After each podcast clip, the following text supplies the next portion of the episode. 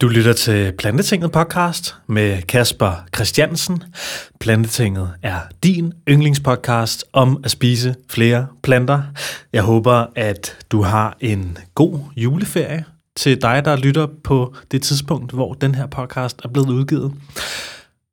Jeg kommer med en ny række podcasts de næste par uger med mange spændende gæster. Det skal du følge med i. De udkommer om søndagen.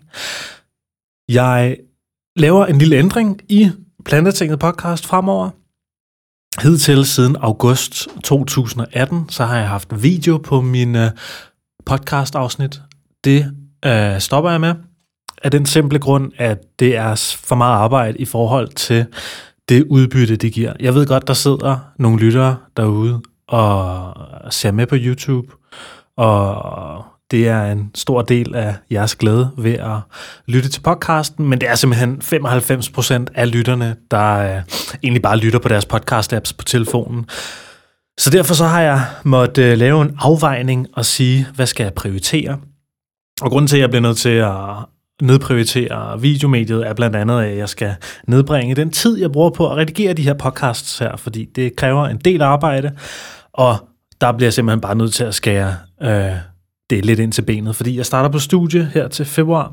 Så øh, ja, så, og lige nu der har jeg en masse ting, jeg lige skal have afviklet, inden jeg starter på studie, så derfor så øh, skal jeg lige lidt ind til benet her med planteting. Men det betyder altså ikke noget for de næste fede afsnit, og det betyder ikke noget for dig, som lytter på din yndlingspodcast-app, fordi Plantetinget, det er stadig det helt samme fede, lækre, dejlige program.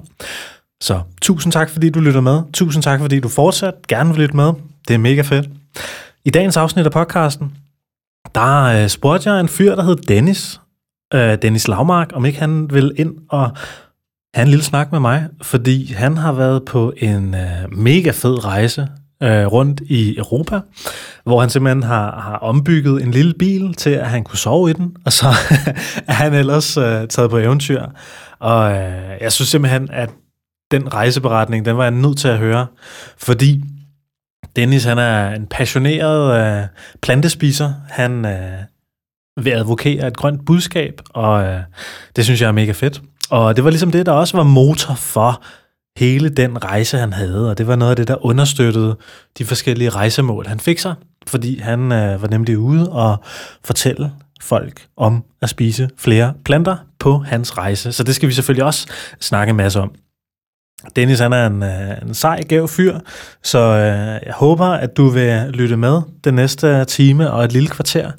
Vores snak den var, fordi øh, jeg synes at han er, han er sgu inspirerende og fed. Øh, vi snakker bare om at, mest om at rejse og de tanker, vi har omkring det, og med at tage ud og, og gøre noget, som man har længe har tænkt på. Og det synes jeg bare er mega fedt, og jeg håber også, det kan inspirere dig. Og lige inden vi går i gang med dagens podcast, så skal jeg som altid lave noget reklame for mine kære, søde, dejlige sponsorer. Det er blandt andet lydgear.dk. Og jeg synes, du skal gå ind på Lydgear, hvis nu du ender med ikke at få de julegaver, som du har ønsket dig. Du mangler måske nogle bæredygtigt sourcede hovedtelefoner, der bidrager til genskovning enten earbuds eller øh, on-ear hovedtelefoner. Dem har Lydgear altså i lange baner. De har højtalere, de har pladespillere, og alt sammen, det lyder hammerne godt og er lavet af super lækre, bæredygtige materialer. Så se og smut ind på lydgear.dk og brug koden plantetinget i checkout-kassen, så kan du altså spare penge på nogle super lækre produkter. Så skynd dig ind og tjek det ud. Der er også en masse andre samarbejdspartnere, som du kan finde inde på planetinget.dk, og det er også mega hammerende fedt. Så jeg håber, du har lyst til at smutte derind og støtte mig. Du kan også støtte mig på det, der hedder planetinget.10.dk, hvor du kan donere et vilkårligt beløb for hver podcastafsnit, der udkommer. Og det håber jeg selvfølgelig også, du har lyst til at hjælpe mig med, for at vi kan få den her podcast til at blive kørende, fordi det giver også en lille smule incitament for mig, når der hver måned ruller et lille beløb ind fra de podcasts, jeg har lavet. Og selvfølgelig så vil jeg også sige mange tak til dem, der allerede støtter. Det er virkelig nice. I uh, hjælper mig med at få podcasten til at gå i nul en skønne dag. Så ikke mere at snakke her. Jeg vil klippe over til samtalen, jeg havde med den kære Dennis. Dennis Lavmark, velkommen i Plantetinget, mand. Mange tak. Dejligt at se dig. ja, i lige måde. Har du det godt? Jeg har det bedre nu, efter, efter lidt sygdom og sådan noget, men nu, ja. Nu spiller det. Ja, vi havde aftalt at lave en, uh, en lille podcast for en uge tid siden. Ja, jeg må lige, lige udskyde. Så det er så nice at se dig her. Øhm, du laver nogle fede ting. Du er en fed fyr, og øh, jeg tror faktisk, måske du er en af dem, jeg har fulgt sådan længst tid på Instagram. Siden jeg kom på Instagram, Ja, så var du sådan en af, de, en af de første, jeg fulgte. Ja, Det synes jeg er grineren. Øh, så det er jo meget fedt sådan at have fulgt dig på sidelinjen og sådan noget. Og, ja, og lære dig lidt at kende. Nu har vi stødt ind i hinanden et par gange i, i Fitness World i Sydhavn også. Så, øh, så det har været mega hyggeligt. Øh, ja, og så faldt jeg bare over, at du skrev et eller andet mega, mega fedt blogindlæg, mm. øh, hvor du fortæller om dine rejser og din minimalistiske livsstil og sådan noget. Jeg synes, jeg synes det er mega fascinerende, og øh, jeg tror, at det er noget, jeg kan lære af. Jeg tror, at det er noget, lytterne kan lære af. Ja. Så det glæder jeg mig også vildt meget til at snakke om. Men lige først, kan du ikke bare lige sådan ganske kort, sådan, hvor er du fra, hvor gammel er du, hvad hedder du? ja. Jamen, øh, som du sagde, så hedder jeg Dennis, og jeg kommer oprindeligt ned fra Sønderjylland, så langt ned du kan komme ned ved den tyske grænse, en lille by, der hedder Borg, tæt ved Padborg. Øhm, jeg er 26 år, øh, og så har jeg ja, bare boet lidt rundt omkring, og, og egentlig bare været på lidt eventyr her og der. Så du, øh, jeg ved, du har boet i en bil. Ja, Kan du ikke lige øh, snakke lidt om det? Fordi det synes jeg øh, ligesom kunne være et udgangspunkt for den her samtale her. Fordi på et eller andet tidspunkt, så har du stået i dit liv og sagt, fuck det hele, jeg gider ikke bo et fast sted. Nu skal jeg bare flytte ind i den her stationcar her, og nu skal ja. jeg bare på eventyr. ja. Prøv lige at fortælle mig lidt om, om den periode i dit liv der. Øhm, det går sådan, hele den historie med, med bilen startede sådan, da jeg var, jeg var lige sådan flyttet, flyttet hjemmefra for første gang, da jeg var 23. Øhm, og ikke lang tid efter jeg flyttede hjemmefra, så fik jeg en meget spontan idé om at blive øh, au pair i Italien. Og mens jeg var der, der var der en periode, hvor jeg kun øh, skulle passe hunden og huset og sådan noget, fordi familien var på, på ferie et andet sted. Så det var sådan house-sitting-agtigt. Øh, og der havde jeg en masse tid, og der lige pludselig sad jeg sådan på YouTube og faldt over du ved, alle de her videoer med hashtag vanlife og alt det her, og, sådan, og det fangede mig bare øh, rigtig meget. Øh, så jeg sad bare altså, så mange timer og bare kiggede på, på videoer med, med design og biler, hvordan de havde indrettet dem, og, og alle sådan nogle ting med destinationer, hvor man kunne tage hen, fede steder i Europa og sådan noget. Øhm, så jeg besluttede mig for der, at når jeg kom tilbage, så skulle jeg finde mig et job, specifikt for bare at spare op til at købe bil og indretning, og så bare hit the road. Øhm, og så var jeg så afsted i øh, primært Øst- og Sydeuropa i fire måneder, øh, og så boede jeg så efterfølgende knap fire måneder i bilen herhjemme også i Danmark, da jeg kom tilbage her i København. Sygt. Ja. Så hvordan, øh, hvad, hvad arbejder du med for at spare op til bilen der? Øh, der var jeg livredder Okay. i øh, knap halvandet år. En kystlivredder? Eller? Øh, det var jeg om sommeren, ja. Okay. Det var selvfølgelig sådan en sæsonjob her i Danmark. Ja. Øh, så jeg var livredder i Odense øh, i deres alder, hvor jeg havde sådan en primær hal, jeg var i, og det var bare fuldtidsarbejde, 37 timer i ugen. Øh, og så, da jeg satte den nu, så stoppede jeg der, fordi jeg havde, så havde øh, meldt mig til kystlivredder, Mm. øh, hvor jeg havde gennemført optagelsesprøver og alt det, og så lige tog sommersæson med. Det var sådan lidt spontant, det var ikke meningen, at jeg skulle, skulle have gjort det, fordi at det mente også, at jeg pressede, så jeg kom først afsted sådan efter sommerferien, mm. så jeg Mm. kom afsted sådan i off-season, eller Ja, okay. kan sige, når jeg, når jeg kom rundt, men det havde så både fordele og- ulemper. Ja, okay. Så du fik sparet sammen til en bil, Ja, så købte du en bil. ja. Var det bare sådan en tilfældig bil, eller havde du sådan udset dig? Øh, jeg har kigget meget på alle mulige forskellige, altså lige fra, fra varevogne og, og he- helt, altså små biler og mindre biler, og så, øh, men der, der er sådan det i Danmark, at der er rigtig mange regler omkring det, øh, med hvordan du skal indrette det og sådan noget. Hvis du skal have en decideret camper, hvis den skal registreres som camper, så er der en masse regler, du skal opfylde, og den skal have en vis højde, du skal have borer og alle mulige ting. Øhm, så der var først en masse, man også sådan lige skulle, skulle research, fordi sådan steder som USA og sådan noget, der, altså, de, de er pisse ligeglade, der kan du bare gøre, hvad du har lyst til nærmest. Ja, okay. Øh, men herhjemme der er der, det er lidt mere strikt. Okay.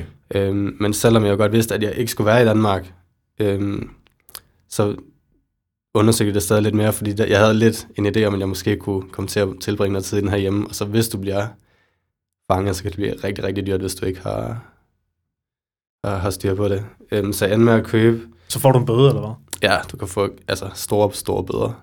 Øh, og det er, Bare fordi folk, at den danske regering eller staten ikke vil have, at folk de render på af deres biler, eller hvad? ja, og også fordi, Okay. at der, har været, der var noget på et tidspunkt med, at jeg tror, der var rigtig mange øh, varebiler. Øh, det var billigere at have dem registreret som camper. Så alle firmaer og sådan noget, de udnyttede det bare altså for sindssygt, sådan at de kunne registrere deres bil som kamera. Øh, eller var det omvendt, jeg kan ikke helt huske det, men så der var et eller andet, hvor de bare fuskede helt vildt, og så slog de bare hårdt ned på det øh, med en masse regler, og så var det, altså det er nærmest bare, det er lige så dyrt at bo i en, en kamera, som det er at bo i en lejlighed nærmest. Nå, hvor sindssygt. Øh, ja. Øhm, så jeg faldt over en, øh, en ganske almindelig sådan, familiebil, øh, en, øh, en, øh, en folkevogn, en Caddy. Øh, og så øh, Altså en gammel en, eller hvad?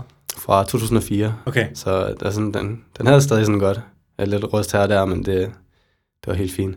Øhm, og så var det, så tog jeg afsted. Jeg kan ikke engang huske, det var vist omkring øh, Holstebro eller sådan noget, jeg fandt den.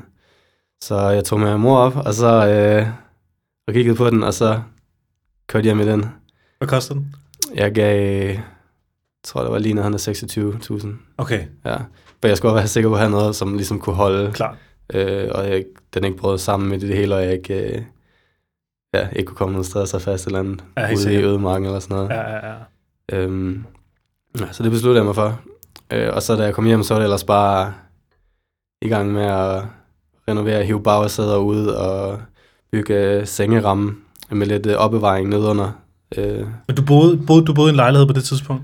Øh, ja, jeg havde, jeg havde sådan et værelse, Okay. øh, jeg lejede i Odense. Okay. Øhm, På sådan og- ubestemt tid. Du kunne selv bestemme, hvornår du lige kunne sige op. Ja, jeg tror, nej, jeg tror, det var en, en tre måneders opsigelse, men hun var meget sådan loose Okay. okay. øh, med det, hende der udlejeren der. Ja. Øhm, det var også et meget specielt sted, jeg ved ikke, om jeg fik det med i blogindlægget, men det var et meget specielt sted, jeg boede der. Jeg boede over øh, nede i kælderen, der havde de en BDSM-klub. Hvad er det for noget? Øh, det er sådan noget...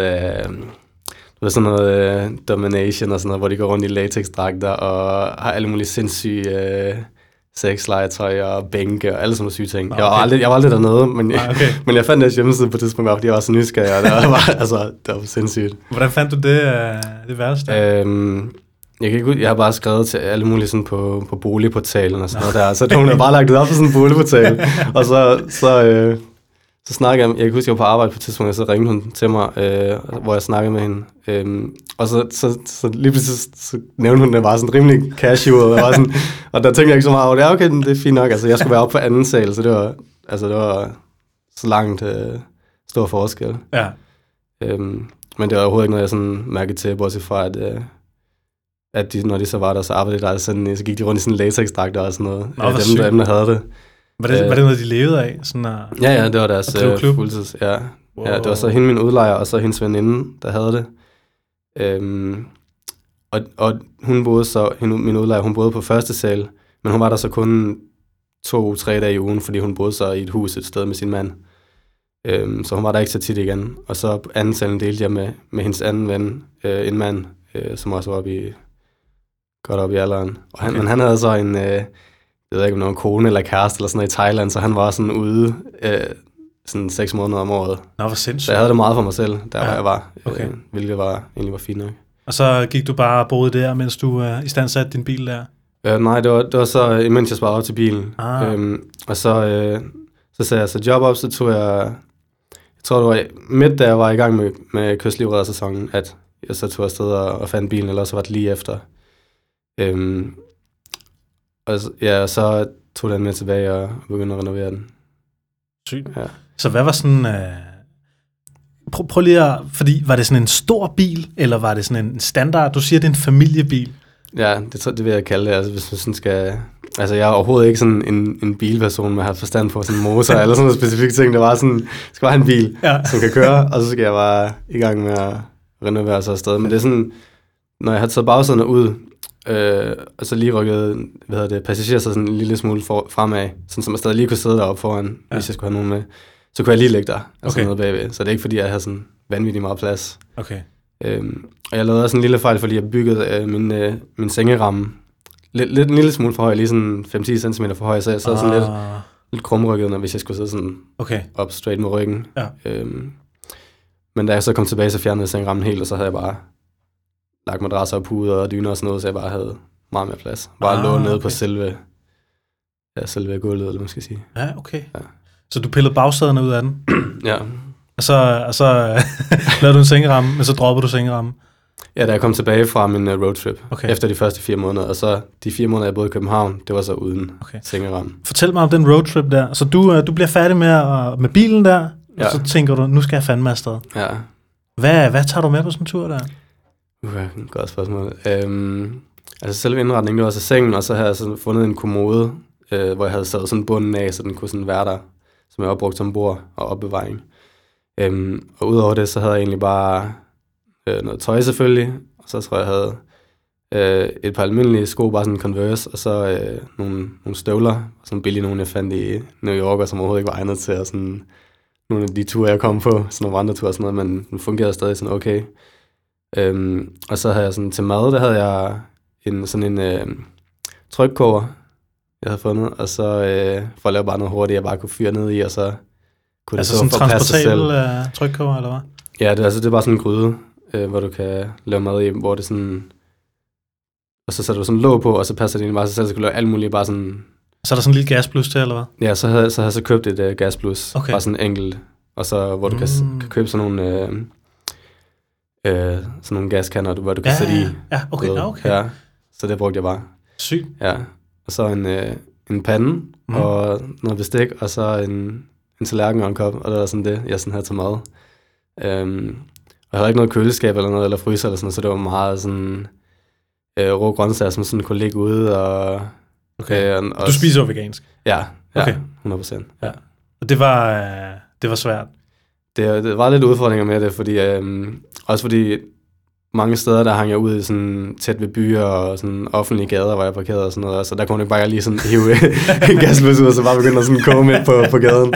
Så, det, så det var, der var sådan lidt en udfordring med det også, men sådan de steder, hvor jeg, hvor jeg sådan kom mere ud, sådan, hvor jeg var for mig selv, der brugte jeg det øh, en del. Okay. Men øh, Det var for os bare penge selvfølgelig, ikke? ja, helt At sikkert. mad selv. Ja, ja, for ellers så kan det godt blive, blive krydret, hvis det skal Ja. købe en masse færdige retter og sådan noget. Men det, jeg brugte meget sådan færdige retter og, ja, og sådan ting med Lidl og sådan ting, hvor jeg kunne komme, komme til at brød og peanut, og peanut butter og nød og frugt og sådan nogle ting. Okay, Altså meget sådan simpelt. Ja. Virkelig simpelt. helt sikkert. Ja. Så du, øh, du pakker bilen, Ja. tager afsted. Hvor kan du hen? Jeg var i sådan sammenlagt 11 lande. Selvfølgelig nogle steder var jeg mere end andre. Øh, Men jeg startede med Tyskland, øh, selvfølgelig, for det er bare lige noget. Øhm, og der var sådan første stop, sådan rigtig stop, stop, det var sådan Berlin, øh, netop for at lave noget aktivisme også undervejs. Okay. Øhm, Var det sådan din plan, da du tog væk hjemmefra, at du skulle ud og lave sådan uh, vegansk aktivisme? Det var sådan lidt, øh, jeg havde det i baghovedet, ja, fordi at, øh, jeg vidste også, at jeg gerne ville på turen ville møde nogle nye mennesker, øh, og snakke med nogle mennesker, øh, øh, men også lave noget aktivisme, fordi det, der er de her øh, organisationer, som laver det samme koncept, altså hvor de er nærmest i alle store byerne i hele verden, hvor de sådan, hvor du bare kan møde op, og så er det samme koncept, så det er sådan nemt at lige til. Okay. Øhm, så øh, det, var, det var sådan en måde for mig at, at møde nye mennesker på, men også samtidig gøre noget, noget lidt mere meningsfuldt, mens jeg var afsted. okay. Ja, Så du tog til Berlin?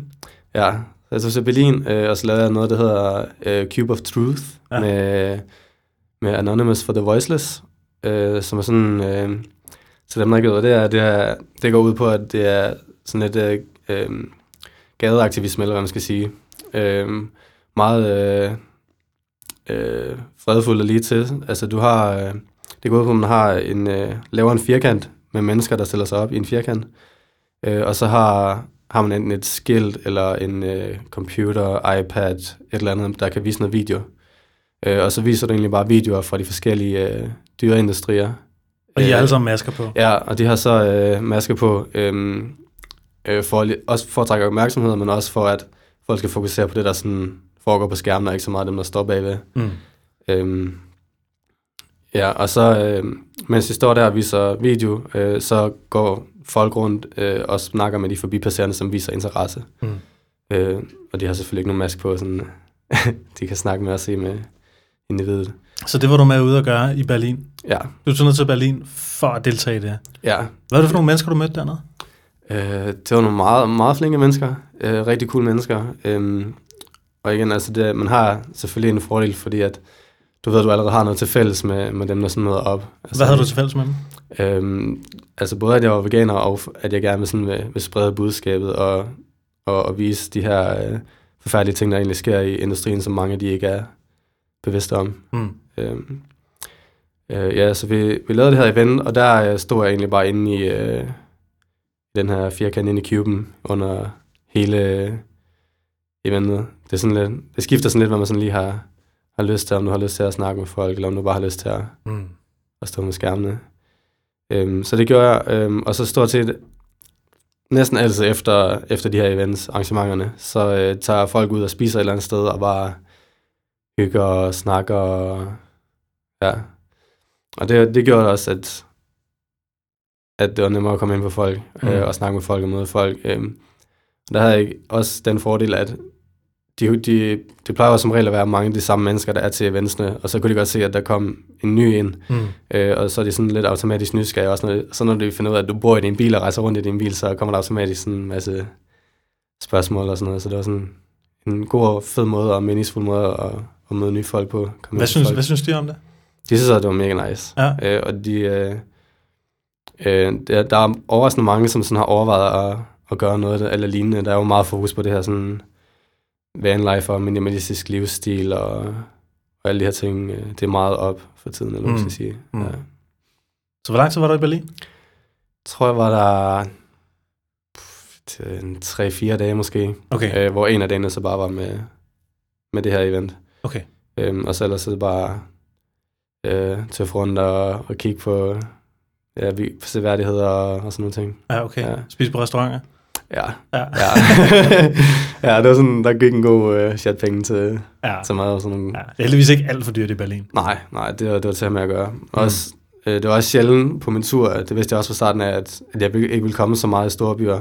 Okay. Øhm, og hvis jeg ville gøre det, så er det netop for at lave aktivisme. Okay. Øh, og så spise noget mega lækker mad. Og Ja, sådan helt noget. sikkert. Ja. Helt sikkert. Så du tog videre fra Berlin. Hvor kørte du så? Øhm, så kørte jeg til, til Polen. Ja. Øhm, og det var egentlig bare sådan en hurtig øh, sådan pitstop, eller hvad man skal sige. Fordi måneden før, der havde jeg været der øh, og besøgt nogle bekendte sammen med nogle venner. Øhm, og så der startede jeg så en tatovering over. Nå. Øh, ja, så jeg tog lige tilbage, for, fik færdiggjort uh, tatoveringen, ah. og besøgte uh, dem, jeg mødte måneden før, og så videre igen. Så der var jeg ikke mere end, det ved jeg ikke, en, ja, sådan 3-4 dage eller sådan noget. Okay. Sygt. Mm-hmm. Jeg har aldrig været i Polen. Det er, det er på min bucket list. Ja, det, altså, jeg var i, det var i Krakow, jeg fik lavet min Okay. okay. tatovering, og det er egentlig meget, meget nice by. Ja. Ja. Øh, meget sådan stille og rolig. Øh. Og så dem, jeg så kendte, de boede sådan helt ude, altså helt ude på landet. Så det var sådan to vidt forskellige øh, ting, jeg sådan fik fra derfra. Det, jeg har virkelig godt indtryk. af Okay. det, ja. Nice. Ja. Og så kørte du videre sydpå? Ja, så tog jeg til, øh, så må det have været øh, Tjekkiet, jeg i, eller Ja. var det Østrig eller sådan noget. Øhm, en af de to steder. Jeg tror, jeg kørte bare direkte igennem Tjekkiet, og så øh, landede i Østrig, øhm, hvor jeg så mødtes med, med en kammerat, jeg så havde mødt igennem kystlivredning. Ah. Øh, en fra Australien, som var kommet og arbejdet i Danmark, og han var så nede og besøge hans veninde i Østrig. Ja. Øh, og så og det fandt jeg så ud af, så sådan, hey, skal vi ikke uh, mødes? Og så, jo, og så, hun arbejdede, hans veninde arbejdede på et hotel, og så var jeg egentlig bare på det hotel sammen med dem i, i to eller tre dage eller sådan noget. Nice. Hvor vi så tog op og, og hikede, og fordi Østrig der er sådan mega flotte Alpeland. bjerge og sådan noget, ja. Ja. ja. Så vi hikede og lavede noget nice vegansk mad. Han er også selv øh, veganer, ham Australien, jeg mødte. Øh, og hun var vist vegetar. Øh, så vi lavede noget nice mad. Vi lavede øh, vanvittige chokolademuffins. og så, øh, så chillede vi bare hygget og, og læste og sådan noget ting. Og så, så tog jeg så videre til, hvor har det så været? Øh, det må så have været Slovakiet. Øhm, og der lavede jeg så aktivisme igen. Okay. Øhm, øh, og der, det var i Bratislava. Ja. Øhm, Hvordan var det anderledes fra det, du oplevede i Berlin? Ja, det var faktisk ikke meget anderledes. Okay. Øhm, også mega søde mennesker, øh, cool øh, øh, organisatorer, der, der stod for det øh, dernede. Øhm, to mega nice, seje øh, piger, øh, der var sådan, havde startet det op. Øh, og det var egentlig meget samme måde, men den her gang så var jeg lidt mere ude og snakke med folk øh, og sådan nogle ting. Men der var der så lidt, øh, det er selvfølgelig lidt en udfordring sådan med sprogbarriere, fordi jeg skal sådan snakke engelsk med folk, øh, som går forbi, og det, jeg har det meget fint med engelsk, men det er ikke alle de steder, jeg kommer hen, som, som har det. Ja. Øh, men jeg, jeg kan huske, at jeg havde nogle mega nice samtaler øh, med folk der i hvert fald. Øh, så det var også en mega fed oplevelse.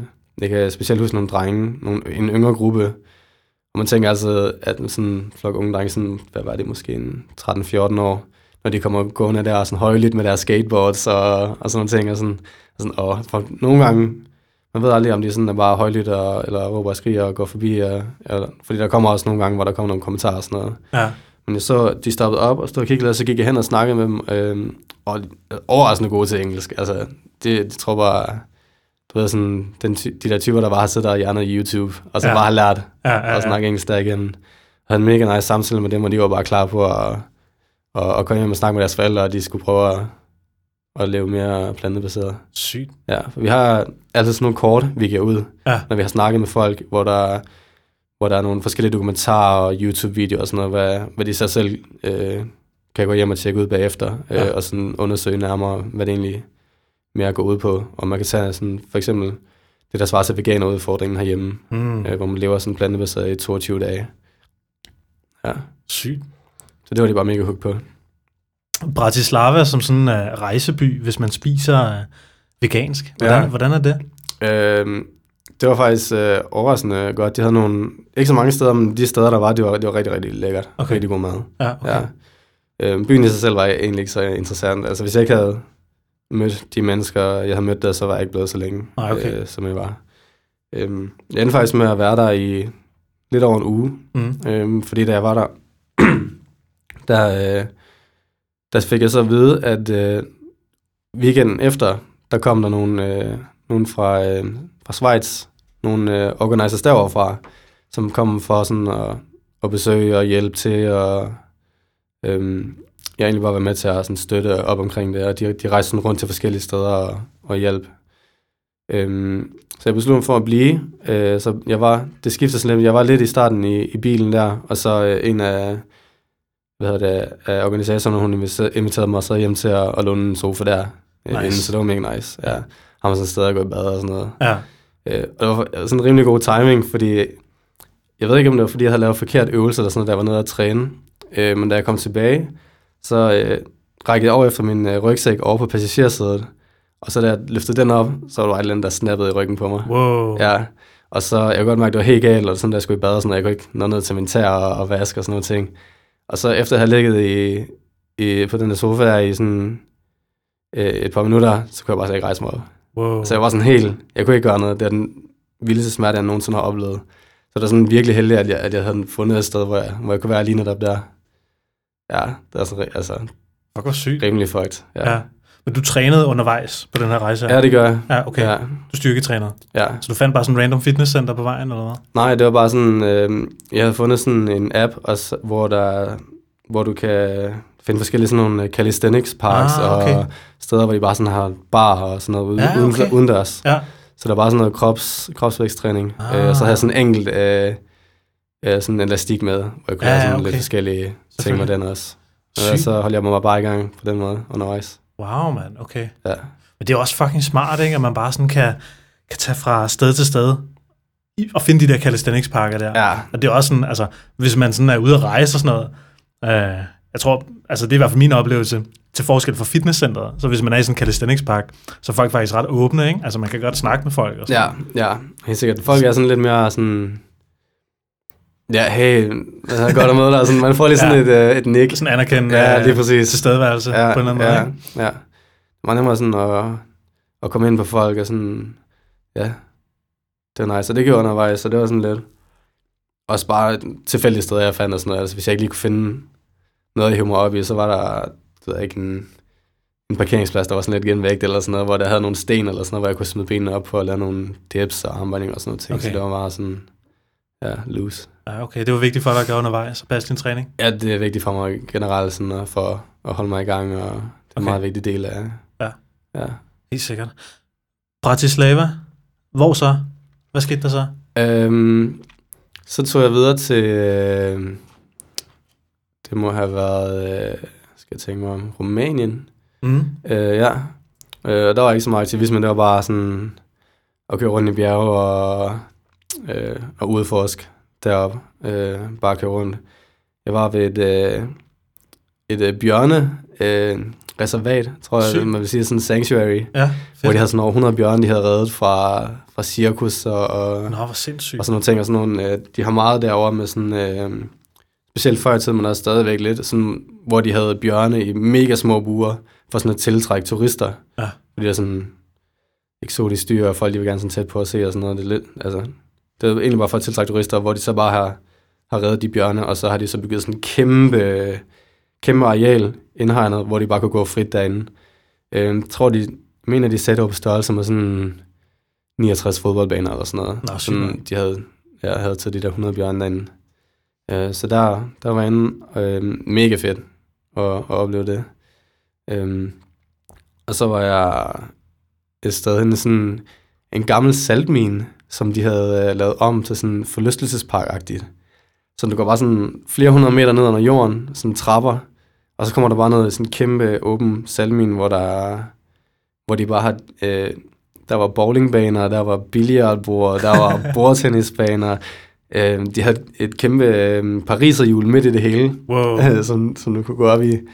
Øh, Og så kunne en du- saltmine i en saltmine. i En Rumænien. Ja, Sygt. ja det, var, det var rimelig vildt at opleve. det, var, det var det sygeste også på turen. og så kunne du gå sådan lidt endnu længere ned, og så er det sådan sø derinde også med både, øhm, og sådan altså vilde lys op i loftet og sådan noget. Og når du så kigger ned ad den der sø der, så ligner det bare, at du kigger nedad, fordi refleksionen, der er jo ikke noget øh, bølger eller noget som helst. Refleksionen, den gik bare, som om du kiggede lige ned. Sygt. Ja, men det er bare hele vejen op af i loftet, du kan se. Så det var en sindssyg oplevelse også. Sygt. Ja. Wow. Ja. Så der er mange seværdigheder i Rumænien? Der er nogle stykker i hvert fald. Okay. Der, ja. ja. Det var også det koldeste sted, jeg kom på Okay. hele turen. Øh, da jeg kom op i bjergene, der var der sne også og sådan noget. Jeg tror, det lignede at ramme minus 5 grader eller sådan noget. Har det været i september eller sådan noget? Øh, ja, det var, ja, jeg tror, det var omkring september. Okay. Præcis. Ja, Vildt. september, november. Øhm, og der var det bare, altså, sovepose, dyne, dyne, og så var den hurtigt for kæmpe hurtigt. Men det kan så ikke se, den jeg sidder i nu, sådan, og så lå jeg bare Nice. derinde. Ja. Vildt. Ja, det Fordi fungerer. den er ikke specielt godt isoleret, sådan en bil der. Der var overhovedet ikke noget isolering. Altså, okay. udover det der, sådan, når den kommer. Ja. Shit. Det, Så du tog videre fra Rumænien. Ja. Hvor tog du så hen? Så tog jeg til, øh, skal jeg se, hele tiden tænke, hvor, ja, det må have været øh, Bulgarien. Ja. Øhm, og der, øh, der var jeg ikke så meget i bilen, der havde jeg nogle venner dernede, jeg har mødt igennem noget, øh, en NGO, jeg arbejder med. Øhm, så der var jeg bare ved dem i sådan en uges tid. Øhm, og det var så også igen heldigt, fordi det var første gang, der, var, der skete noget med bilen. Øhm, hvor den sådan lige hurtigt skulle på værksted, og der var nogle ting, der skulle skiftes og sådan nogle ting. Mm. Øhm, og der var det heldigt, at jeg så havde mine venner der, som så kunne, kunne snakke med bilforhandleren og sådan nogle ting. Og det, ellers så var jeg bare blevet, altså, så havde Ja. de hostlet mig. Ja, 100%. Men øh, Shit, så er det godt, at man sådan lige har nogle lokale venner, som lige kan, kan, kan hjælpe en. Ja, helt sikkert. Så det så lige nogle der for dem at, at få det ordnet, og så var jeg bare med, min, med mine venner og deres venner der i mellemtiden. Var det i Bare- Sofia, du var? Øh, lige præcis, ja. Ja, okay. Ja. Ah, okay, det er faktisk en meget flot by. Mm. Det synes jeg er nice, jeg. ja, jeg var positivt overrasket. Ja. Ja. Og det er ja, bare chill, og vi var i biografen to gange, og sådan på, på klub og sådan noget ting, bare, ja. Svedigt. Hvorfor, hvorfor, hvorfor kørte du ned igennem alle de der Østblok-lande der? Det var øhm, til dels bare øh, meget random og tilfældigt, men også fordi jeg var sådan lidt nysgerrig på, hvad det, for det er nogle lande, jeg bare sådan overhovedet ikke havde noget sådan forhold til, noget Mm. jeg ikke kendte til i forvejen. Mm. Ja, Sygt. ja. Og også igen, fordi jeg, jeg kendte folk sådan lidt Ja, okay. her og der. Ja. Ja. Bulgarien, det er jo et kæmpestort land. ja, det er stort. Det er det. Men det var, det var meget, jeg kørte bare lige ned til mine venner, og så Okay. derefter igen, så bare fortsætte. Så Ah, der var ikke så meget, øh, jeg lige kan huske, så meget udforskning der. Så når du kørte, hvor mange timer kørte du så i gang? Det er meget forskelligt. Nogle gange så var det lige sådan få timer. Andre gange så var det bare sådan en hel dag, hvor jeg bare, Okay. bare sad i bilen og lyttede til, til plantetinget. Fedt, mand. ja, Ej, hvor sindssygt. ja. Wow. Bare på motorvejen eller på landevejen? Øh, eller valgte du sådan det? Også igen lidt forskelligt. Jeg, jeg prøvede at holde mig så meget væk fra motorvejen som overhovedet muligt. Okay. Øh, fordi der, altså der, lige meget hvor du kører hen i, i verden næsten, så, så er det bare Ja, ja. vej. Altså, Mm. der er ikke så meget at se. Så jeg tog, ja, på GPS'en der trykkede jeg bare ingen motorvej. Okay. Og landevej og sådan nogle lokalveje og sådan noget. Så der, det var der, jeg primært kørte, for netop at se lidt mere. Hvis du skal køre så lang tid en dag, så vil jeg hellere sidde lige en time ekstra i bilen og køre, men så komme væk fra motorvejen og se nogle, nogle forskellige ting og køre op i bjergene og sådan noget. Ja. Ja. Fuck, hvor nice. Ja. Samlede du nogle blaffer op på vejen? ja, det gør jeg faktisk ikke. Jeg så Nej, okay. ikke en eneste. Nej, okay. Nej. Sygt. Ja, det, det overrasker mig også meget. Jeg tror måske, det var, fordi det var sådan lidt off-season, eller hvad man skal kalde det. Ja, klart, Øh, ja. Spændende. Mm. Så Bulgarien, Sofia, du hang ud med nogle venner der, ja, og så tog du videre. så tog jeg til øh, Makedonien. Mm. Ja, øh, Det er et lille land, er det ikke? det er et meget lille land. Ja. Øhm, det, og hoved, hovedbestandelen, det er sådan i, i hovedstaden, de bor. Okay. Øh, og, og, altså, specielt de unge, de, de prøver bare så godt de kan at komme, komme ud af landet, fordi det var helt øh, fuck dernede. Hvorfor? Virkelig korrupt. Nå, okay. Og, ja, der er ikke så mange muligheder for dem, sådan med, med jobs og, og sådan nogle ting. Okay. Øh, men det, grunden til også, øh, jeg tog dernede, det var fordi, jeg også igen, jeg kendte nogen dernede. Øhm, og jeg var der to uger faktisk, fordi den, den første uge, der øh, var jeg på sådan et ungdomsprojekt dernede, øh, som jeg, jeg kender til de her ungdomsprojekter, har arbejdet lidt med det igen, en NGO, jeg også er med i. Øh, så jeg, jeg havde øh, min veninde, som stod for det projekt, øhm, og det var faktisk meget nice, fordi det, det gik ud på øhm, fotografi som aktivisme, så det var stadig sådan lidt Ah, relateret til, til mine interesser, og, og jeg lavede selvfølgelig noget med, der havde at gøre med sådan veganisme og sådan noget, hvor jeg kunne flette det ind i. fortæl mig lidt mere om det. Fotografi som aktivisme. Ja, Hvordan gør man det? øhm, det var sådan, vi fik nogle, vi blev delt i nogle grupper, øh, og så skulle vi egentlig selv sådan finde nogle, øh, på nogle emner, øh, som vi kunne, øh, som vi sådan kunne øh, sætte fokus på igennem fotografi, og så til sidst på ugen, der havde vi så en, øh, en udstilling med vores billeder øh, på sådan en lokal øh, klub, skråstreg, bar, øh, musiksted, hvor folk, de lokale, så kunne komme ind og, og, og kigge på udstillingen. Øhm, og der, det var alt lige fra forurening, det har de sindssygt meget i andet. Okay. Øh, så det var- havde vi meget fokus på. Øh, men de har også mange øh, gadehunde og sådan nogle ting. Øh, løshunde, øh, som jeg havde, havde fokus på. Så det var altså alle mulige ting. Mm. Øhm, ja, så det var egentlig bare måden, det fungerer på. Det er meget loose. Det er sådan støttet af, af hvad hedder det, af den europæiske union. Også selvom det er i, i Makedonien, så kan man sådan søge om, om midler til at, så, at udføre de her projekter forskellige steder. Ah, okay. Ja. Sygt. Hvad tog du billeder af? Mm. Vi tog billeder af mange forskellige ting. Øh, og vi lavede, legede også lidt med noget, med noget Photoshop og sådan noget. Øh, men fordi vi primært havde om, om forurening øh, som emne, øh, så havde vi de her, du ved, de der masker. Sådan ligesom de Nå, går med ja, alle i, Asien og sådan noget ting. Ja, dem brugte vi meget. Sådan Ja. med, og så øh, havde vi en, øh, en øh, sådan vapor, du Ja, ja, sådan vape for sådan, der. at vise, at man kunne illustrere og sådan noget. Så der er nogle af dem, der, der brugte den til at, sådan, at tage den der maske på, og så blæste det der ud, så det sådan, sådan Ah, så vildt ud. Ja. Øh, og så var det sådan noget, sådan noget med at stille sig op midt på, på gågader og sådan noget, med, med masker på i grupper, øh, og så fange forskellige øh, shots med det. Fedt. Øh, og så lavede jeg også lidt sådan noget Photoshop med, med sådan en pige, hvor hun også har maske på, hvor hun sådan lå i luften, hvor det ligner, hun sådan bliver kvalt. Eller Nå, sige. Ja, svært at forklare, men ja, også. Vi lavede med lidt Photoshop også. Man kan gå ind og se det på din Instagram, kan man ikke? Øh, ja. Ja. ja, hvis du går langt ned, så, Fedt. så er der billeder af det. Ja, helt sikkert. Ja. Ja. Lige sende nogle folk den vej. Ja. Så du var i Makedonien og udfordrede dig selv med nogle billedaktivistiske projekter. ja. Ja, sindssygt. ja, det var mega fedt. Fedt. Ja. Fuck, det lyder nice. Ja, det var det også. Svedigt, mand. Og så tog du videre på et Ja. tidspunkt. Ja, så jeg var der sådan en ekstra uge efter det, og så tog jeg så videre til øh, Grækenland, Ja. øh, hvor jeg igen lavede øh, aktivisme med Anonymous for the Voiceless. Okay, i Ja. Athen eller hvad? Ja, lige Ja, ja, okay. Ja. Øhm, det var også, igen, super fedt. Øh, lidt en anderledes oplevelse, men det er mere på grund af sådan folket, der bor der, sådan deres kultur og sådan nogle ting, tror jeg. Øhm, Okay. de var ikke så... Mange af dem var ikke så glade for at snakke engelsk, kunne godt sådan lidt mærke. Øhm, både i, øh, da jeg lavede øh, outreach, der jeg snakkede med folk øh, på gaden og sådan nogle ting, men også sådan selve øh, gruppen. Øhm, men stadigvæk en mega fed oplevelse. Vi var ude at spise bagefter og hyggede, og ja, Sygt. Svedigt. ja. Hvor lang tid var du i Grækenland? Der var jeg også lidt over en uge, tror jeg. Okay. Ja. Øhm, og det var faktisk øh, hen over jul, så jeg tilbragte øh, julen i øh, Athen. Også med Anonymous for The Voiceless, hvor de havde øh, et arrangement den øh, 24. juleaften. Altså, imens alle de sad hjemme og spiste øh, lækker julemad og sådan noget, så sad jeg i min bil ned og tog noget øh, vandmelon og instant noodles med ned til stranden og bare sad og chillede der og hyggede mig. Nice. Og så senere så mødtes jeg også op med dem der, hvor de holdt arrangement, hvor der var endnu mere lækkert mad og alkohol og dans og Svedigt. ja, Fuck, hvor nice, mand. jeps. Wow. Var det varmt dernede? Som øh, jul? Ikke, altså ikke sådan...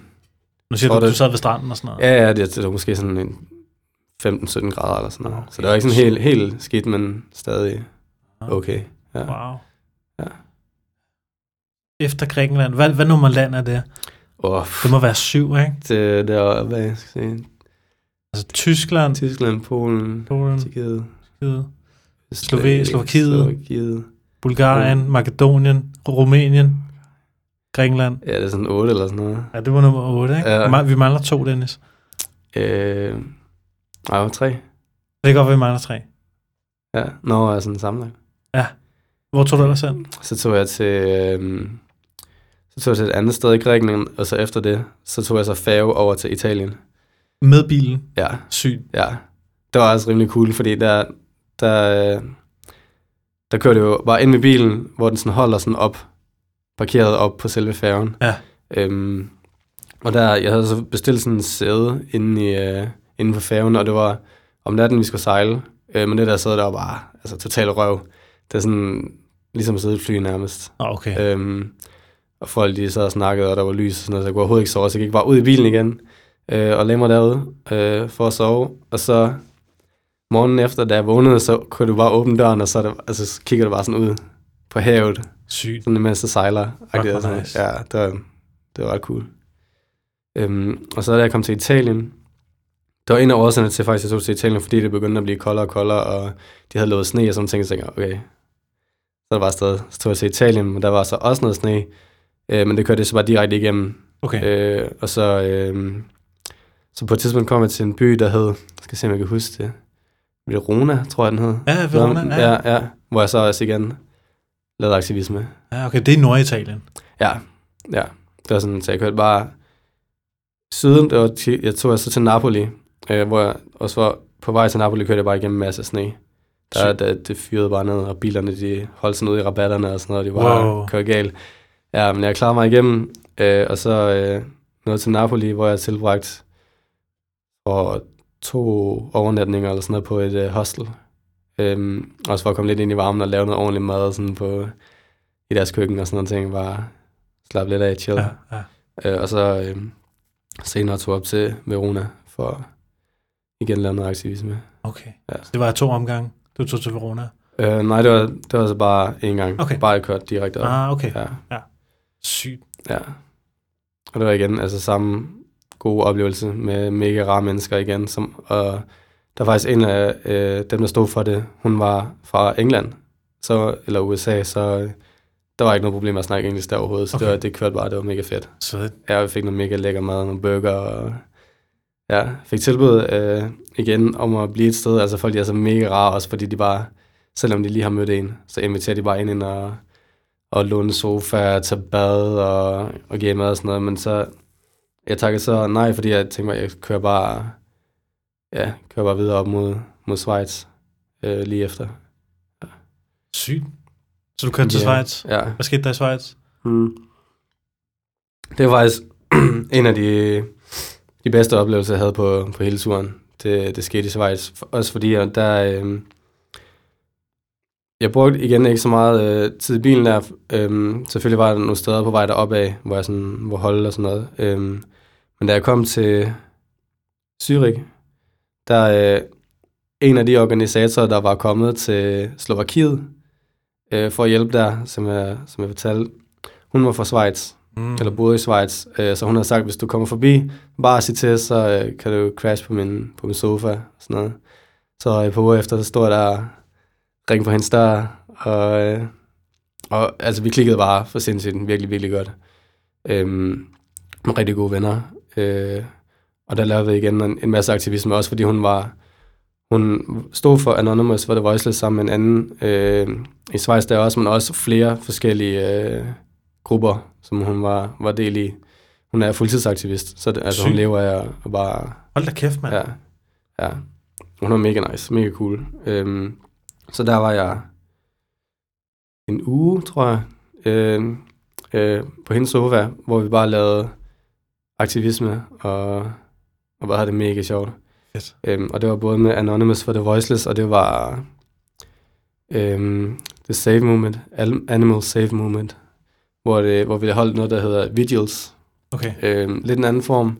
Det er sådan, hvor man tager ud til, øh, til slagterier, øh, og så er man egentlig bare vidne til dyrene, når de bliver, når de bliver kørt ind på slagterierne. Øhm, og så ellers bare tage billeder og, og filmer det man, det, man kan for at, og ligesom vise til folk, at den tilstand, dyrene er i, når de kommer, og, og ligesom, så de kan være lidt mere i stand til at connect med dyrene, for det er noget, man ikke ser Mm. som almindelig øh, ja, borger til daglig, så ser man ikke. Mm. Typisk, man, man er ikke klar over, den, hvordan dyret havde det, Ja. øh, inden øh, det ligesom blev lavet om til bacon og steaks og alle de her ting. Sygt. Ja, så det gjorde vi. Øhm, og det var også, altså, selvom det, altså det er meget, det er som regel mere sådan dyster stemning, der er sådan nogle steder, fordi du, du står ude foran med, med skilte og øh, med vejene, øh, og selvom folk de sådan dytter og giver thumbs up og sådan nogle ting, så kan du stadig høre øh, dyrene og grisen og sådan i baggrunden, hvor Okay. de bare altså, hyler og skriger, og, ja, altså fordi Shit, mand. Ja, altså det, det er sådan lidt med hårde øh, Mm. sager, men det er vanvittigt vigtigt, at, at man ligesom får vist verden, hvordan tingene egentlig foregår, og man connecter også selv Mm. på et helt andet niveau Mm. øh, med dyrene, når du sådan kan stå og se dem ind i øjnene. Okay. Ja. Det var, ja. Så det lavede du i en uge? Øhm, ja, Okay. øh, de to øh, øh, former for aktivisme Ja. lavede vi primært den uge, og så var vi ude og besøge et øh, sådan Animal Sanctuary, sådan fristed for dyr, som var blevet reddet fra, fra industrierne.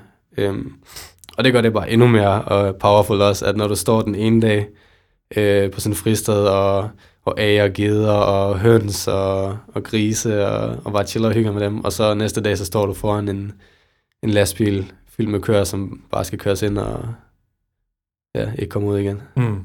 Hele Sygt. i hvert fald. Sygt. Ja. Du kom videre fra Schweiz. Ja. Hvor tog du så hen? Så var det ellers bare op igennem Tyskland igen, Mm. øh, og så tilbage til Danmark.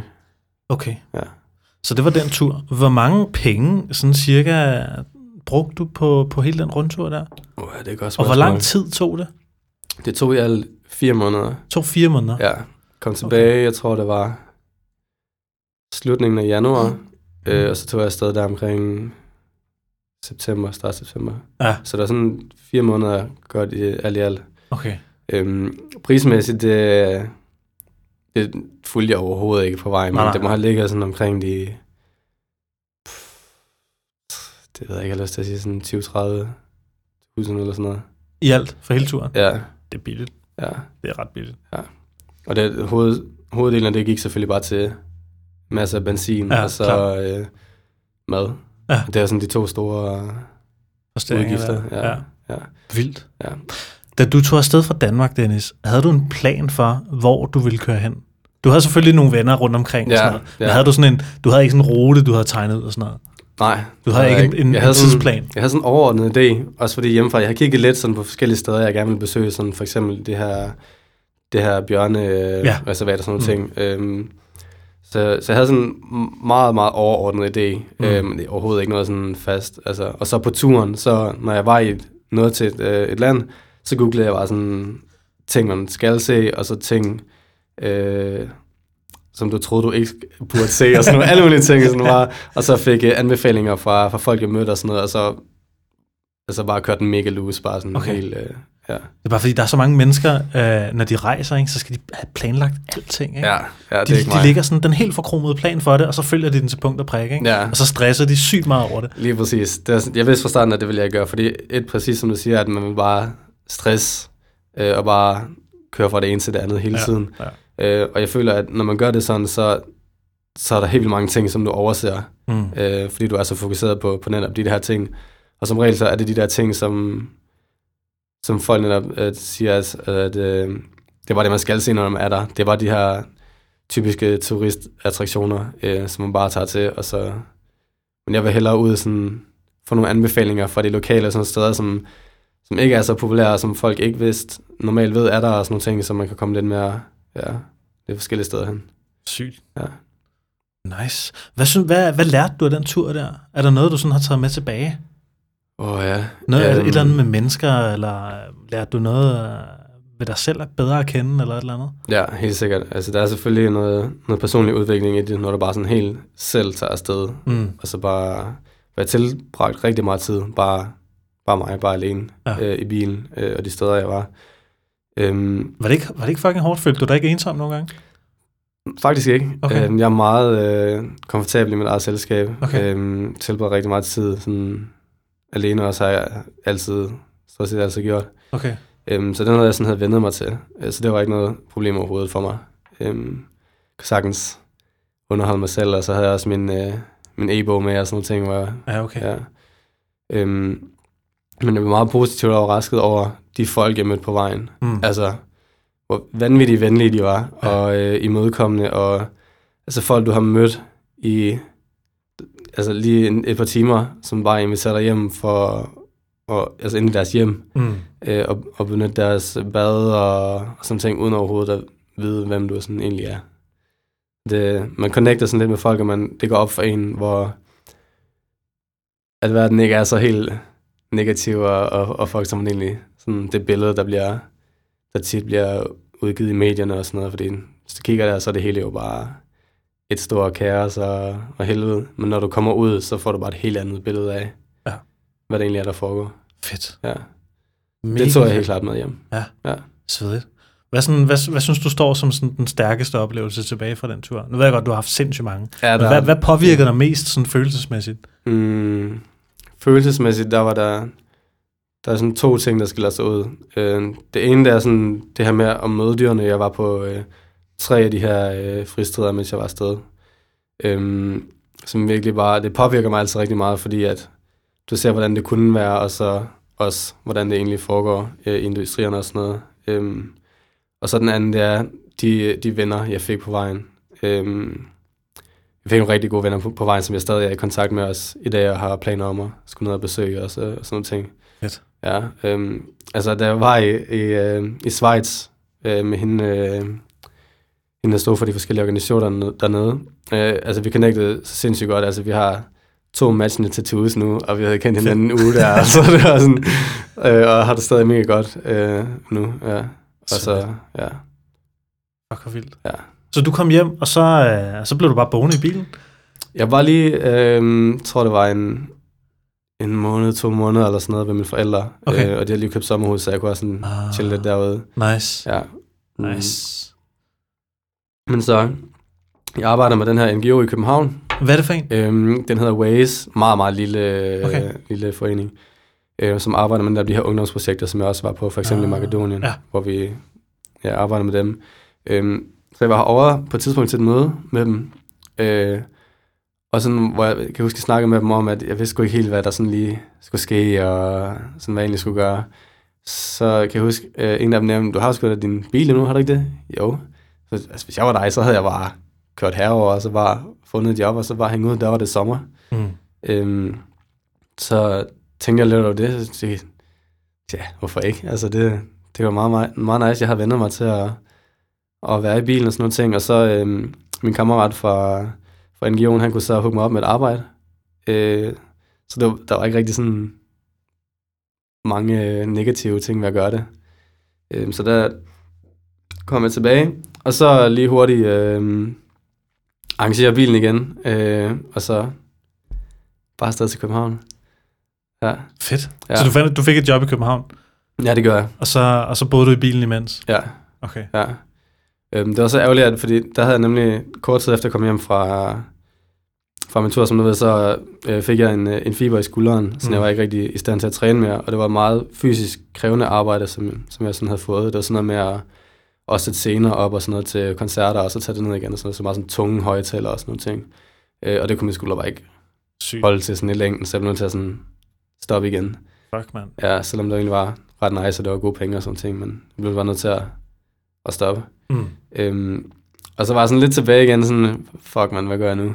Øh, og så øh, brugte jeg egentlig bare rigtig meget tid bare ved at, at hænge ud sådan ved stranden og, og i bilen og sådan nogle ting, og med venner. Og, så der, der var en lang periode, hvor jeg ikke havde noget job, Okay, øh, hvor jeg sådan bare var herovre-agtigt. og bare både en bil Ja, og chillet. ja, ja, Fuck, hvor nice. ja. Hvor boede du så henne? Øhm, jeg holdt rigtig meget til øhm, i og omkring Amager Strandpark. Ja, Øh, det var en mega lækker sted jo at, at hænge ud. Øhm, og så øh, egentlig bare sådan langs med, med Køgebuksen, kysten, sådan forskellige steder. ja okay. Øhm, og ellers så var der sådan, jeg havde fundet nogle øh, skovområder, øh, og sådan ting, også nogle andre steder sådan tæt ved vandet, øh, hvor jeg hang ud rigtig meget. Så det var primært sådan ved vand og skov. Nice. Ja, ja. Det, det var sådan primært det, jeg opsøgte. Også både på turen, men også da jeg kom tilbage igen. Fedt. Fedt. Men øh, det her blogindlæg her, du har fortalt om hele den her rejse, eller i hvert fald dele af rejsen i dit Ja. ja. blogindlæg. Ja, Uh, du startede også, da vi startede podcasten, med at sige, at man må faktisk ikke bo i sin bil i Danmark, Ja. medmindre det er en camper, ja. Og medmindre man betaler de der sindssyge afgifter. Uh, havde du nu på nogle tidspunkter nogle oplevelser med ordensmagten, eller noget som helst? Øh, Jeg havde et par, et par gange, hvor politiet øh, lige kiggede forbi, øh, men jeg havde, øh, de har sikkert været flere gange forbi end det, hvor jeg havde, havde opdaget dem, fordi de kommer typisk sådan om natten, når de sådan kører rundt og patruljerer og sådan noget ting. Okay. Øh, så de har sikkert Altså ude i Amager Strandpark, eller hvad? Ja, ja Okay. det var primært, da jeg sådan mødte dem. Okay. Øh, så der, de har sikkert været der flere gange, men jeg har mødt dem et par gange. Altså ikke sådan face to face, men jeg var inde i bilen, mens de sådan var der og gik rundt med lommelygter og sådan lyste den og, og sådan noget ting. Sygt. Altså rimelig nøjeren, og så bare sådan sidder derinde. Ja. Øh, men jeg havde sådan et øh, gardin forhæng, som jeg sådan kunne hænge op øh, hele vejen hen over bilen, sådan bag ved bagsæderne, eller forsæderne, undskyld. Okay. Sådan at øh, det som var dækket af, så man ikke kunne se ind fra forruden. Mm. Øhm, og jeg havde øh, sådan, sådan tonede ruder sådan plastik i ruderne, så man ikke kunne se ind. Øh, og så havde jeg også igen sådan nogle håndlavede gardiner, som jeg hang op med magneter okay. Indenfor, så man, altså du kunne overhovedet ikke se Nej. øh, ind udefra. Øhm, så det var bare, altså de kom bare op, nogle gange så sad, blev de bare siddende i bilen og sådan lige lyst over mod mig, og sådan, nå okay, der, de kan se også i, i min forrude af bilen, også, fordi der er den der, den der lille lampe, der blinker og sådan noget. Så de lyser bare lige over, nå okay, der sker nok ikke noget der, så kører de bare videre. Ja, okay. Øhm, og så andre gange så er de sådan helt oppe i bilen og sådan lyser ind igennem ruderne og, og bruger sådan kigge ind og, og banke lidt og sådan noget. Og sådan. Okay. Og der er forhæng for, siger han så til sin makker, jeg kan ikke. Og så ligger du bare og holder vejret derinde. altså, altså, nogle gange så så bare, fuck, fuck, fuck, fuck, fuck. ja, det bliver det rimelig løgn. Øhm, så altså, de, de kan ikke gøre noget, så de, de tøffer bare igen. Ja. Ja. Fedt. Ja, Fuck, hvor nice. Så det var, der var lidt adrenalin der om natten, når det ja kom. helt sikkert. Ja. Ja. Sygt. Ja. Sygt, mand. Det har også været billigere, ikke? Altså, du har, fuck, du har sparet mange penge. Ja, Og så er der bare penge. Der er så bare ikke noget job. Så er du bare bade i havet, eller hvad? Ja, altså, da jeg kom hjem, der havde jeg selvfølgelig bare øh, fitness, abonnement Fitness World, Ja, ja, øh, hvor jeg badede der. Ja. Øh, øh, men da jeg var afsted på turen der, der var det bare altså, primært havet, søer, og så når jeg lige kunne snige mig ind på nogle campingpladser her og der og sådan noget. Ja, okay. Ja, Så du, så du boede basically som hjemløs faktisk i Danmark, Ja. uden job også. ja, ja. Ægte, ægte bumsestil. ja, ægte, øh, ja, Fedt. ja. Fuck, hvor nice. Hvordan var det? Hvad fanden, øh, hvad fanden fik du tiden til at gå med? Øh, ja, det var sådan den største udfordring, fordi du har ikke nogen, øh, du har ikke noget strøm øh, eller noget, så du kan ikke sådan bare fyre løs på computeren og bare ligge, ligge der bagved hele dagen og bare, bare glo på et eller andet. Øhm, så jeg var rigtig meget faktisk på øh, det kongelige bibliotek, hvor jeg bare sad og læste, chillede, øh, skrev nogle blogindlæg, øh, øh, jeg fik tiden til at gå med det.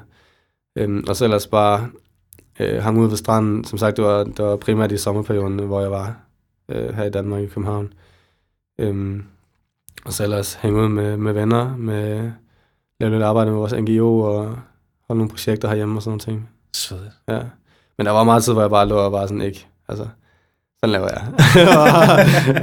bare ligger i min bil, og så bare uden arbejde, hvor det bare sådan, altså det var sådan en periode, hvor det bare virkelig, det følte virkelig bare, at jeg ikke kom nogen vegne, altså man bare virkelig Okay. sad fast. Okay. Øh, Du fik ja. vel tænkt over, hvad du så gerne ville med dit liv? ja, ja. Hvad tænkte Men- du over der? Øhm, jeg har altid sådan kæmpet med, hvad, hvad egentlig sådan, hvilken retning jeg jeg skulle gå i og sådan noget, og gør det stadigvæk. Mm. Mm. Øhm, men jeg har jeg lavede, øh, jeg er begyndt at lave noget mere fotografi øh, og sådan nogle ting, øh, og vil gerne lave noget mere video også, øh, komme ind på det. Så bare i den uheldige situation nu, at øh, jeg blev hustlet på DVA. Nej, øh, desværre. Ja, nej, ja. der er sygt mange, der bliver hostlet på væg. Ja, men det er fucking noget. Jeg, jeg skal bare fuldt med nervefornemmelse også, men det, jeg var så dum. Og, No. ja, ja, så der mistede jeg lige en god chat penge på det. Ej, fordi jeg havde, Dennis. Ja, ja. Men jeg venter stadig på at høre fra politiet, men det, altså, Der er så mange af de sager. det går fandme tid. jeg, læste, jeg tror, jeg læste på Berlingske eller eller andet, der er sådan, altså der er virkelig mange, det er sådan over 10.000 om året, der bliver hostlet på DBA. Ja, det er sindssygt. De har så mange sager. Det er så sindssygt. Men det, det vildeste er, at jeg stadig er i kontakt med ham der, der gjorde det. Annoncen er der stadigvæk.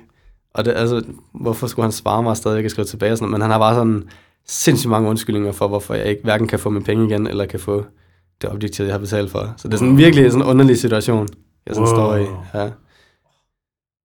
Fuck, mand. ja, så lige nu der har jeg et kamerahus uden objektiv, så jeg kan No. hverken gøre det ene eller det andet. Sådan, det er nederen. ja, Shit, mand. Nå, sindssyg, sindssyg historie. Ja. Men, men du har fastet bog nu? øh, ja, nu har jeg lejet et værelse henover indtil nytår. Okay, Øh, fordi jeg vil ikke, altså det er alt for koldt til at, ja. ja. ja. at være der fuldtid nu, selvom det er blevet, altså, varmere igen. Der var lige sådan en uge eller sådan hvor det blev virkelig koldt, og så tænkte jeg Ja. bare, det her det kommer ikke til at ske, det skal have bare have værelse ASAP. Mm. Og det fandt jeg så også, at temperaturen det holdt sådan meget fornuftigt siden der, men Ja. ja. der valgte så bare at blive boende. Men, så du har stadig bilen, Ja, det Okay. har jeg. og bruger den til at transportere dig rundt? Ja. ja. Okay. Ja, for nu har jeg arbejde, Ja. ja. øhm, så jeg bruger den til at komme til og fra arbejde i, i Herlev. Ah, okay. Ja. Svedigt. Ja, Fuck, hvor nice. ja. Hvis der sidder nogen derude og, øh, og måske drømmer om et lignende projekt, øh, det gør jeg selv Ja, faktisk, men cool. nok mere på en cykel, tror jeg. ja, helt øh, har du nogle gode tips eller råd til dem? Er, er der et eller andet, er der et eller andet, du vil ønske, du havde gjort på den tur, som du ikke fik gjort? Eller et eller andet, som du tænker, at folk bør vide? Ja. Hmm. Så det er selvfølgelig meget individuelt, hvordan folk de, de sådan vælger at rejse og, og, og gøre sådan nogle ting. Øh, men i hvert fald, øh, vær sikker på, at du har øh, bare de basale ting til at starte med. Fordi til at, inden jeg tog afsted, så havde jeg har kigget på timevis af videoer og sådan noget med, hvordan man skal designe bilen, hvordan man skal gøre det ene og det andet. Og, men når det kommer til stykket, altså bare gør det så simpelt som muligt, og så kan du altid bygge videre på det. Okay. Øhm, fordi altså, det er jo nogle sindssyge ting, de gør der på de der YouTube-videoer og sådan noget, altså, sådan, hvor du, du installerer bilen helt vildt, og du laver vægge derinde, og du, der er nogen, der laver sådan små toiletter, og sådan vaske, vaske, og alle mulige sådan sindssyge ting.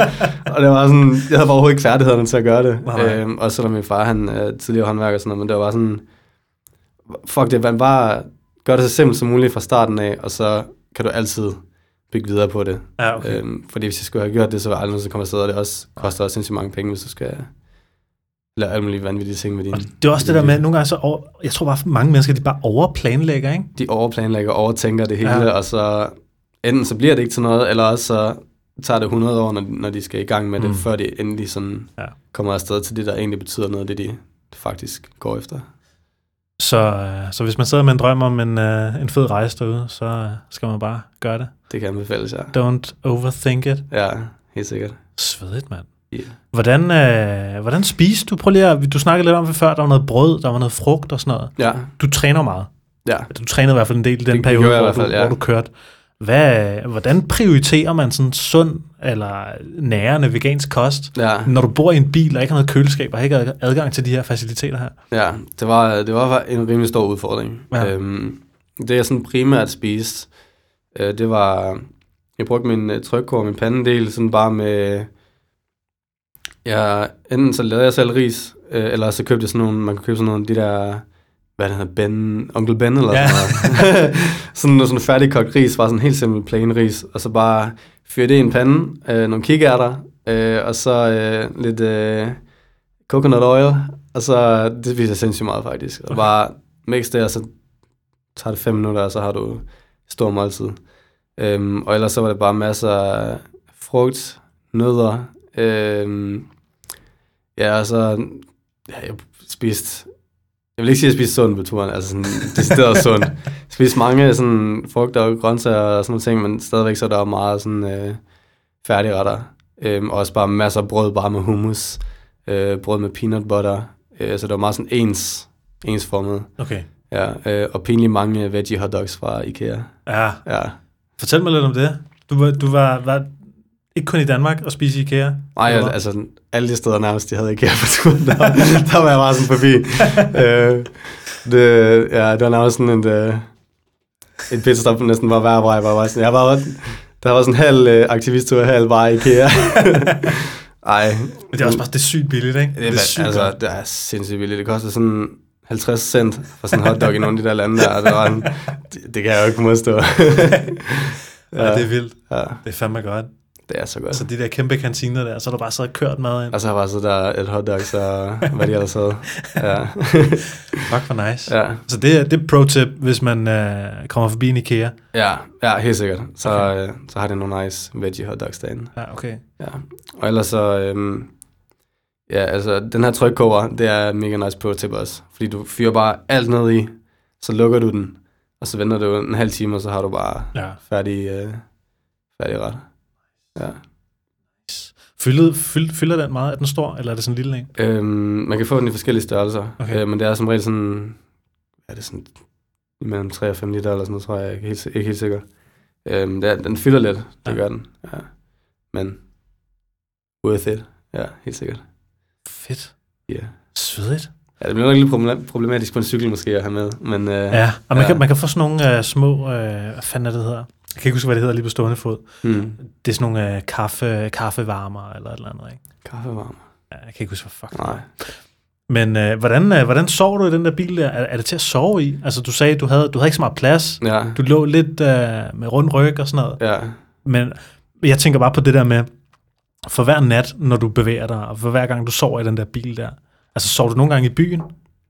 Eller øh. Øh. prøver du altid at finde sådan outskirts eller et eller andet? Jeg prøvede så vildt som muligt at finde sådan steder lidt ude for byer i hvert fald, sådan, hvor Okay. jeg kunne overnatte. Men der var også mange gange, hvor jeg bare var på en parkeringsplads ved det lokale supermarked, eller sådan, hvis jeg kunne finde en lidt mere stille gade okay. og bare, og bare holde.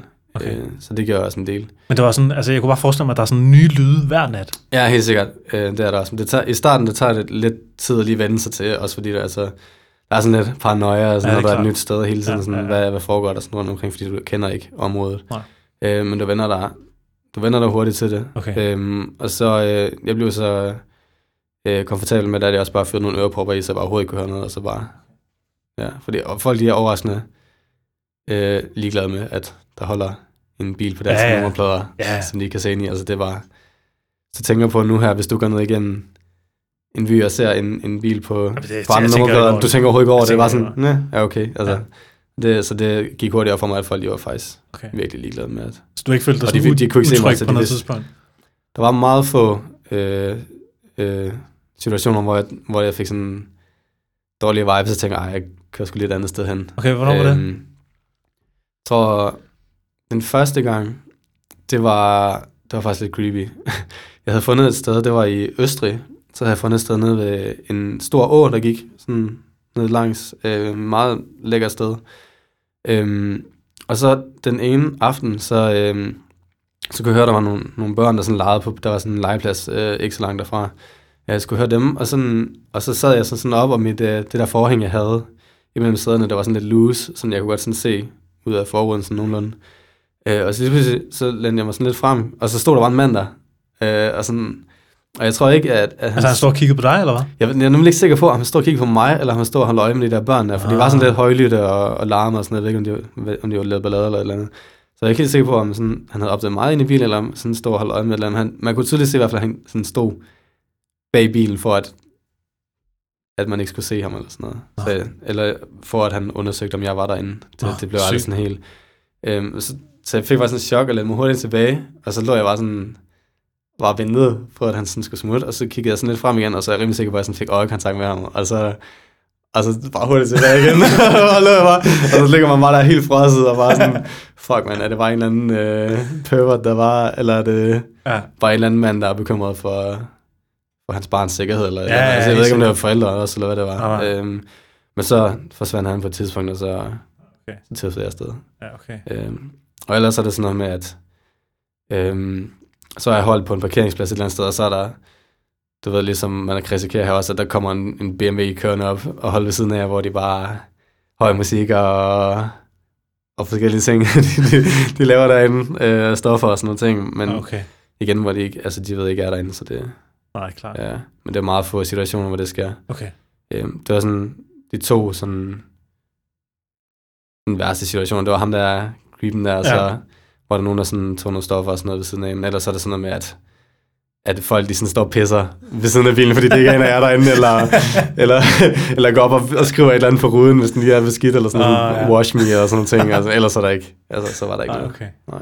Sygt. Overhovedet ikke noget øh, tilfælde med politiet, mens jeg var afsted. Nej, Overraskende okay. nok. Intet overhovedet. Nej, du blev ikke lige stoppet og tjekket med Nej. kørekort eller noget? Nej. Der var faktisk en gang, jeg fik faktisk en bøde, det faktisk, men det Nå, var okay. ikke på grund af, at, at jeg holdt et sted. Det var fordi, jeg kom til at køre ned ad en ensrettet vej. og så vendte jeg rundt, og så stod politiet selvfølgelig lige der og holdt øje. Og så, det var i, det var i, uh, i Bratislava, så fik jeg sådan en lille papirlap bøde, Ja. lad os kalde dem, med 10 euro. Nej, Okay. Sådan to af dem, og sådan, okay, så var der ikke, det gider jeg ikke til at, så der var her, brug fornuftigt, og så, så bare videre. Ja, okay. Ja. Kunne du, kunne du leve sådan? Altså, kunne du leve i den her bil her? Øh, Jeg tænker, hvis jeg, at hvis jeg skulle leve sådan Ja. i den, Kunne du sådan, uh, sådan et år, eller to år, eller fem år? Eller sådan noget? Mm, altså, hvis jeg skulle gøre det, altså, så kunne jeg nok godt. Okay. Okay. men det, det er ikke noget, jeg sådan vil, vil gøre. Så vil jeg i hvert fald lave nogle flere, øh, nogle flere øh, sådan, modificeringer. Okay. Ja, præcis. Sådan, gøre det nemmere at, at lave mad og, Okay. og holde varmen. Og, og måske, øh, der er nogle, nogle øh, måder, hvorpå man godt kan holde sin mad kølig og sådan nogle ting. Ja, okay. Øh, hvor jeg vil gøre det. Ja, okay. Og herhjemme, der vil det selvfølgelig være noget nemmere end sådan andre lande også. Men du har også kørt den på det helt skrabede budget, ikke? Altså, du har ikke haft så mange penge, og så har du også haft en lille bil. Ja, ja. Men måske til en anden gang skulle man have en lille smule større bil, måske. Ja, det, altså, jeg vil i hvert fald prioritere, at man, man skal i hvert fald kunne sidde oprejst, så skal man kunne ligge ordentligt ned. Okay. Øhm, og så, hvis man har budgettet til det, så lave en lille køkkenarrangement. Ja, okay. Øh, ja.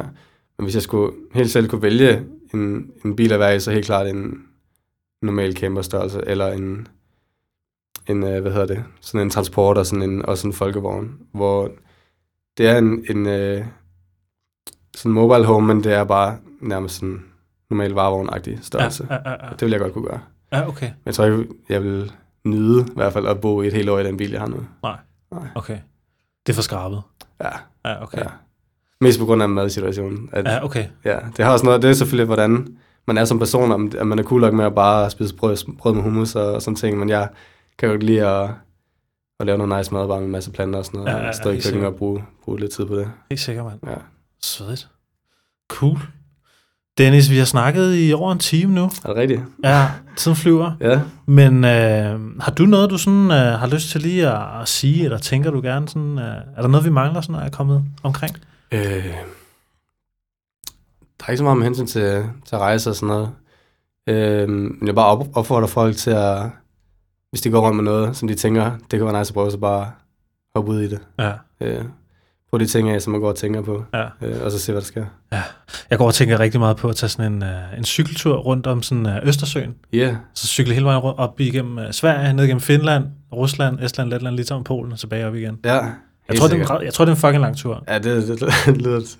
Men det er også sådan, du ved, jeg ved også bare, at jeg skal bare gøre det jo. Ja, ja. Så bare sådan have telt med, og så bare... Ja, bare telt med. undervejs. Ja, Og øh, du ved, bare øh, to cykelshorts, ikke? Og så kan man lige vaske den ene hver dag. ja lige præcis. Og så noget, noget tøj og en lille sovepose og sådan noget, ikke? Gør det om sommeren eller ja, eller andet. Ja, Altså, jeg tror, der er langt, men hvis man ligger og cykler de der... Nu ved jeg ikke, hvor langt du har kørt om dagen. Det er selvfølgelig varieret meget, men jeg tænker, ja. Hvis man cykler sådan 200 km om dagen, ikke? ja. Ja. så kan du godt banke rundt om Østersøen på en halvanden måned. Eller Ja, det sådan er noget. galt. Det lyder nice. Ja, Helt sikkert. det har jeg tænkt fucking meget på. Ja, ja. Så måske lige tage nogle stop i, i nogle byer, ikke? Øh, Fordi jeg kender, kender nogen, der bor rundt omkring. Ja, lige præcis. Så, øh, så det kunne man godt. Det kunne jeg være. Det har jeg kraftigt overvejet at gøre. Ja. Og jeg har det bare sådan, jeg vil også bare gøre det, fordi øh, jeg har godt tænkt på det så længe. Ikke? Jeg Ja. tror, jeg de sidste tre, tre år har jeg gået og tænkt på at tage en cykeltur der. Ikke? Ja. Jeg kan også forestille mig, at den der tur, du har taget, den har du sikkert også gået og tænkt på længe. Ikke? ja, lige præcis. Altså, det ser jeg også er sådan over to år, hvor jeg bare havde det i hovedet konstant. Ja. Øh, og der, jeg tror bare, med sådan nogle ting, så, er det, så skal man virkelig bare handle på det. Ja. Ja. Fordi ellers så står man på et tidspunkt og tænker, fuck man, Fuck, hvorfor tror jeg ikke den der fucking nice cykeltur Ja, lige præcis. omkring? Og det, så, Nå, jeg har hus og børn og ja, ansvar så og kommer man bare til at fortryde det. Øh, Ja. ja. ja, det var det, altså. det er sådan lidt det mindset, jeg har haft sådan de sidste par år. Sådan, jeg har overhovedet ikke haft noget i gang med noget uddannelse. Noget. Det har bare været de ting, der sådan har poppet op i mit hoved. Bare, okay, Ja. så kører vi fandme bare med det. Ja, ja, men okay. det er sgu aldrig for sent at gå på skolebænken igen og sådan noget. Nej, nej, nej, for helvede. Det... Det, For helvede, mand. ja, Enig. ja. Er det noget, du tænker på at gøre? Øhm, overvejet det lidt. Øhm, men jeg er bare ikke gået til at... Jeg ved, for det første ved jeg ikke rigtig sådan, hvilken retning stadigvæk det skal være. Og for det andet, så, så du er jeg rigtig bare til at sidde og bare suge. Nej, nej. Hvad med sådan noget Øhm. fotojournalistik på... Uh... Ja, jeg overvejer noget med fotografi også, men der igen, der er det bare meget med erfaring og sådan ting, så der føler jeg, at, at jeg vil få lige så meget ud af at bare gå ud med mit kamera, og så bare lære det. Learning by doing, og så du kan fandme lære alt på YouTube. Ja, 100. der, 100, mand. og specielt med sådan nogle ting. Altså, Ja, ja. Selvfølgelig, som hvis du skal være læge eller sådan noget, så er det klart, så skal du igennem øh, ja, det er klart. det er systemet. Men med sådan nogle ting, der føler at det handler mere om din kreativitet, end det gør om ja, alt muligt andet. Så du vil gerne lave, leve af at lave sådan nogle kreative ting? Ja, det skal være et eller andet kreativt. Okay. Enten noget med fotografi, video. Jeg kiggede lidt på noget musik også en gang imellem, øh, på et tidspunkt. Øh, øh, så det bliver noget, noget af det, tænker Ja, jeg, okay. der kommer til at ske. Ja, Svedigt. ja. Har du, øh, synes du, det var svært det der med, hvis nu man er, hvis nu man er mega generet og har lyst til at tage på sådan en rejse der, og skal, skal lave alt det der forskellige aktivisme, som du har gjort? ja. Altså, øh, hvordan har, har du sådan grebet det an, hvis nu man, øh, man synes, det er udfordrende at snakke med nye mennesker? Ja, ja, det ved jeg ikke, om jeg fik sagt. Altså, jeg er big time introvert. Altså, jeg har virkelig, virkelig svært med at snakke med nye mennesker øh, og komme ind på folk og sådan noget ting. Øhm, men hvis, hvis man skal gøre noget, eller det jeg gjorde, så se om der er, hvis du har nogle interesser, altså det kan være hvad som helst, så undersøg, om der er nogle steder, hvor, hvor nogle grupper, Facebook-grupper, et eller andet, som, som med de interesser, som du har. Øhm, for det er en sindssyg øhm, øh, fed måde at, at komme ind på folk på, de steder, hvor du, hvor du kommer hen. Altså, der, der er ikke andet end, øh, end plusser ved det. Øhm, du får mødt nogle nye, mega søde mennesker, og, og du får øh, gjort noget, som har med din hobby og interesser at gøre. Øh, og ja, det kan jeg klart anbefale i hvert fald. Og det gør det meget nemmere at snakke med folk, fordi du har allerede, du ved allerede, at du har nogle ting til fælles. Så opsøg øh, fællesskaber, ja. Hvor man øh, har en interesse. Ja, Ja, svedigt. Svedigt. Og det var jo det, du gjorde ja, ja det var det. med 100%. fotografi og vegansk aktivisme og Ja, sådan noget. ja. Nice. Cool. Ja. Fedt. Dennis, hvis øh, man gerne vil øh, læse din blog eller følge dig på Instagram eller sådan noget, hvor kan man gøre det hen? Ja. Uh, Instagram, det er bare, der hedder reset underscore Dennis. Altså ligesom genstart på Ja, lige præcis. Okay. Uh, og det samme, hvis man vil se min blog, så, så skriver man bare det på Google, okay. Og så kommer den frem. Reset Dennis. Fedt, Ja. ja. Dennis Lavmark, tusind tak, fordi du vil være med i Planetinget. Det er mig, der takker. Tak, fordi du vil uh, fortælle om din uh, rejseberetning. Det var mega inspirerende. Jeg, tak. håber, jeg håber virkelig, der er folk derude, der uh, også får lidt rejselyst i maven Ja. ja. at lytte til det her. Helt sikkert. Så det var mega fedt. Fedt at, at sidde ned og snakke rigtig med dig. Ja, så skete det. Og så, øh, altså, håber jeg, du får en god jul, mand. Jo, tak lige meget. Hej hej. Hej.